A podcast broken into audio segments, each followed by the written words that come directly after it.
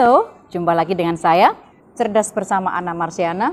Mengulik isu-isu kekinian secara cerdas, mengajak masyarakat menjadi cerdas. Kita akan bahas tentang polemik uh, pramuka sebagai uh, kegiatan ekstrakurikuler. Tapi sebelum lanjut, saya mengucapkan turut berduka cita kepada keluarga dari 10 siswi SMP Negeri 1 Turi yang menjadi korban dari kegiatan susur sungai di uh, Sleman kemarin. Semoga keluarganya dikuatkan dan semoga semua yang um, meninggal mendapatkan tempat di sisi Tuhan dan beristirahat dengan tenang. Kita akan membahas tentang usulan uh, Komisioner KPAI terutama komisioner KPAI di bidang pendidikan yaitu uh, Ibu Retno Slestiarti, komisioner KPAI bidang pendidikan. Setelah peristiwa susur sungai di uh, Turi itu, uh, Ibu Retno mengusulkan atau mendorong Kementerian Pendidikan dan Kebudayaan agar mengevaluasi kebijakan yang menjadikan pramuka sebagai ekstrakurikuler yang wajib diikuti setiap pelajar. Ya. Eh, saya mau menanggapi karena saya khawatir kalau tidak ditanggapi ini um, kita menjadi salah alamat dan lagi-lagi kita bisa jadi sesat pikir gitu. Karena menurut saya yang menjadi persoalan bukan pramukanya, melainkan uh, soal perencanaan, soal kesiapan, soal risk assessment, soal implementasi dari kegiatan itu. Uh, saya mau mulai dengan menceritakan bahwa saya sendiri, menurut saya, saya menjadi Ana yang sekarang itu karena pramuka. Saya sejak SD, SMP, SLTA, saya orang yang sangat uh, suka dengan kegiatan pramuka.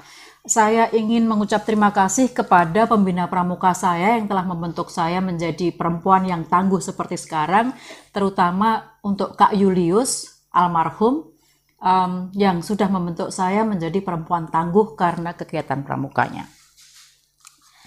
Yang pertama kita cek dulu deh ya, pramuka itu uh, di, KB, di KBBI itu uh, didefinisikan sebagai apa gitu. Tentu semua orang tahu Pramuka Praja Muda Karana uh, oleh KBBI didefinisikan sebagai organisasi generasi muda yang mendidik para anggotanya dengan berbagai jenis pengetahuan dan keterampilan dan nilai-nilai seperti nilai disiplin, nilai kepercayaan diri, nilai solidaritas, dan tolong-menolong.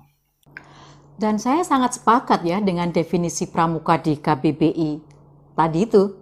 Dengan definisi itu, menurut saya, pramuka artinya adalah sebuah kegiatan ekstrakurikuler yang bukan hanya sangat relevan, melainkan juga sangat strategis dan krusial kalau kita ingin pendidikan kita itu ikut membentuk karakter uh, manusia, karakter bangsa Indonesia ini. Karena dengan dengan pramuka, dengan kegiatan pramuka, maka nilai-nilai solidaritas, saling menolong, uh, disiplin itu akan terbentuk. Kemudian uh, keterampilan, pengetahuan dan keterampilan survival itu juga akan terbentuk. Jadi menurut saya pramuka menjadi kegiatan yang bukan hanya relevan tapi juga sangat strategis di dalam pendidikan pembentukan karakter bangsa. Um, bagi yang mungkin kalau masih ada yang tidak familiar dengan pramuka, maka sedikit saya ingatkan pramuka sejarahnya dirintis oleh Lord Baden-Powell dari Inggris um, yang awalnya dulu apa ya di, bisa dikatakan menjadikan boy scout gitu ya. Uh, tapi kemudian perkembangannya tentu bukan hanya boys, laki-laki, anak laki-laki, tapi juga girl scout. Jadi kemudian setelah boy scout ada girl scout. Tapi poinnya adalah bahwa um, kegiatan pramuka ini seperti didefinisikan oleh KBBI itu adalah kegiatan yang menurut saya sangat relevan untuk pertama um, mengajarkan tentang pengetahuan-pengetahuan survival saya menjadi tahu kalau saya di hutan saya menjadi tahu jamur mana yang bisa saya makan, jamur mana yang berbahaya. Saya menjadi tahu kalau tidak ada makanan eh, pohon mana yang yang eh, buahnya bisa saya makan misalnya. Ilmu-ilmu survival yang dasar bahwa pohon kalau buahnya bisa dimakan maka biasanya daunnya bisa dimakan misalnya hal semacam itu yang uh, menurut saya sangat penting untuk diajarkan karena kita hidup itu tidak hanya di ruang kelas, kita hidup itu ada uh, lebih banyak di ruang kelas dan bahkan um, uh, kalau kita tidak mengajar tidak ada kegiatan pramuka atau kalau pramuka dihapuskan maka uh, pelajaran di kelas kita tidak mungkin memadai gitu. Nanti uh, kita selesai lulus sekolah kita nggak punya pengetahuan dan keterampilan survivor. Um, itu tadi soal pengetahuan dasar. Saya juga merasa bahwa saya menjadi perempuan yang tangguh seperti ini karena aktivitas pramuka mengajarkan saya keterampilan tali menali misalnya. Itu membuat saya tahu bagaimana kalau saya di, di lingkungan yang yang um, liar begitu ya, lingkungan terbuka begitu, saya tahu oh kalau ada sungai seperti ini saya harus mempertimbangkan menghitung arusnya, menghitung uh, arah arah uh, arus air, kemudian kalau harus menyeberang itu dengan tali seperti apa. Itu saya merasa saya belajar dari pramuka gitu. Jadi dengan ini saya hendak mengatakan bahwa menurut saya sebetulnya keputusan untuk melakukan susur sungai itu bukan keputusan yang salah secara prinsip karena kegiatan susur sungai menurut saya bisa menjadi salah satu kegiatan untuk mengenalkan kepada alam, uh, mengetes pengetahuan dan keterampilan survival uh, dan juga mendorong tadi munculnya nilai-nilai yang oleh KBBI disebutkan nilai disiplin, nilai kepercayaan diri, nilai solidaritas, tolong menolong. Persoalannya adalah menurut saya apakah pembina sudah melakukan risk assessment dengan baik. Misalnya terkait musim hujan, apakah musim hujan seperti ini uh, kegiatan susur sungai itu relevan, berbahaya atau tidak.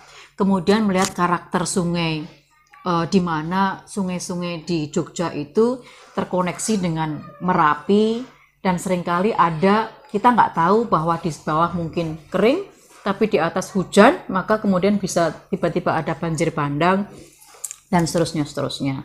Itu soal risk assessment. Kemudian kita juga harus melihat apakah anak-anak siswa ini sudah betul-betul dibekali dengan pengetahuan survival dan keterampilan survivalnya. Itu yang harus dievaluasi.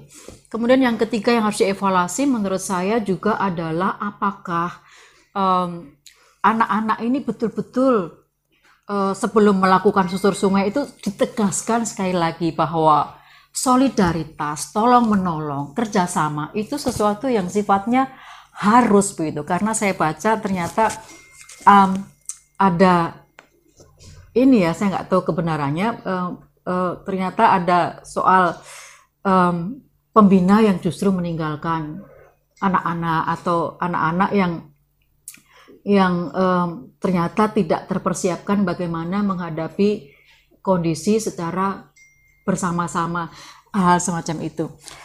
Um, hal yang ketiga yang menurut saya harus dievaluasi adalah saya kembali kepada ketika saya berkegiatan pramuka dulu, masuk uh, keluar hutan, kemudian uh, hiking, kemudian apa dulu ada yang disebut jurik malam gitu ya uh, untuk mengetes keberanian kita menghadapi kegelapan, jalan di kuburan-kuburan begitu. Tapi selalu saya ingat pada saat yang sama kita sebelum sebelum kegiatan itu di briefing dulu soal nilai-nilai prinsip-prinsip yang harus kita terapkan. Yang kedua, kita juga diyakinkan bahwa dalam hal terjadi apa-apa, saya ingat persis ada kakak-kakak pembina yang sudah disebar di titik-titik tertentu, eh, titik-titik paling rawan untuk segera tanggap uh, emergensi kalau terjadi apa-apa. Nah, menurut saya itu yang perlu juga uh, dievaluasi kalau mau mengevaluasi. Berikutnya yang menurut saya harus dievaluasi juga adalah soal uh, pakaian yang dikenakan oleh anak-anak kita ketika melakukan susur sungai itu. Saya melihat bahwa 10 korban ke 10-nya adalah uh, perempuan dan uh, sedih sekali bahwa um, pakaian yang dikenakan mereka itu sangat jauh dari prinsip pakaian yang bisa dikatakan minim risiko kalau bersentuhan dengan air. Um, satu prinsip yang sangat sederhana yang menurut saya semua orang harus tahu, tapi sayangnya pada saat yang sama banyak orang Indonesia yang belum tahu adalah prinsip bahwa kalau kita berkegiatan di air itu semakin minim pakaian yang melekat di badan kita itu sebetulnya semakin tinggi uh, daya survival kita. Itu sebabnya pakaian renang didesain seminim mungkin. Kenapa? Karena dengan seminim mungkin maka um, apa namanya berat air yang menempel di badan kita itu juga menjadi lebih minim. Itu juga alasan kenapa pakaian renang biasanya terbuat dari material yang tidak menyerap air. Jadi kalau Anda ke kolam renang, kita ke kolam renang, kemudian ada larangan, dilarang berenang dengan tanpa pakaian renang atau dilarang berenang dengan e, kaos. Sebetulnya itu karena terkait dengan tadi kaos itu biasanya kaos katun itu menyerap air. Jadi memang tidak tidak aman untuk e, kita berenang juga apalagi kalau di sungai atau di laut begitu ya. Jadi memang ya pakaiannya harus pakaian yang uh, kontekstual, uh, pakaian yang aman gitu. Jadi ini yang yang aspek berikutnya yang menurut saya harus dievaluasi yang di Indonesia dengan alasan budaya, dengan alasan agama, orang menjadi kurang begitu paham soal uh, pakaian yang aman untuk kegiatan uh, yang di air gitu. Um, nah kalau kalau um, di air kita pakai untuk perempuan kita pakai rok panjang ya tentu saja sangat berisiko. Apalagi di sungai yang berarus deras kita bisa bayangkan pakaian rok panjang ini akan justru menjadi semacam uh, menciptakan daya dorong gitu ya. Ini ini uh, poin yang yang menurut saya harus dievaluasi Nah, dengan poin itu saya mau mengatakan bahwa yang harus dievaluasi itu bukan kegiatan pramukanya sebagai kegiatan ekstrakurikuler yang uh, diintegrasikan dalam sistem pendidikan di Indonesia, tapi adalah pemahaman uh, tentang uh, pemahaman dan kesiapan tentang pentingnya melakukan risk assessment, perencanaan yang sudah berbasis risk assessment dan penyiapan uh,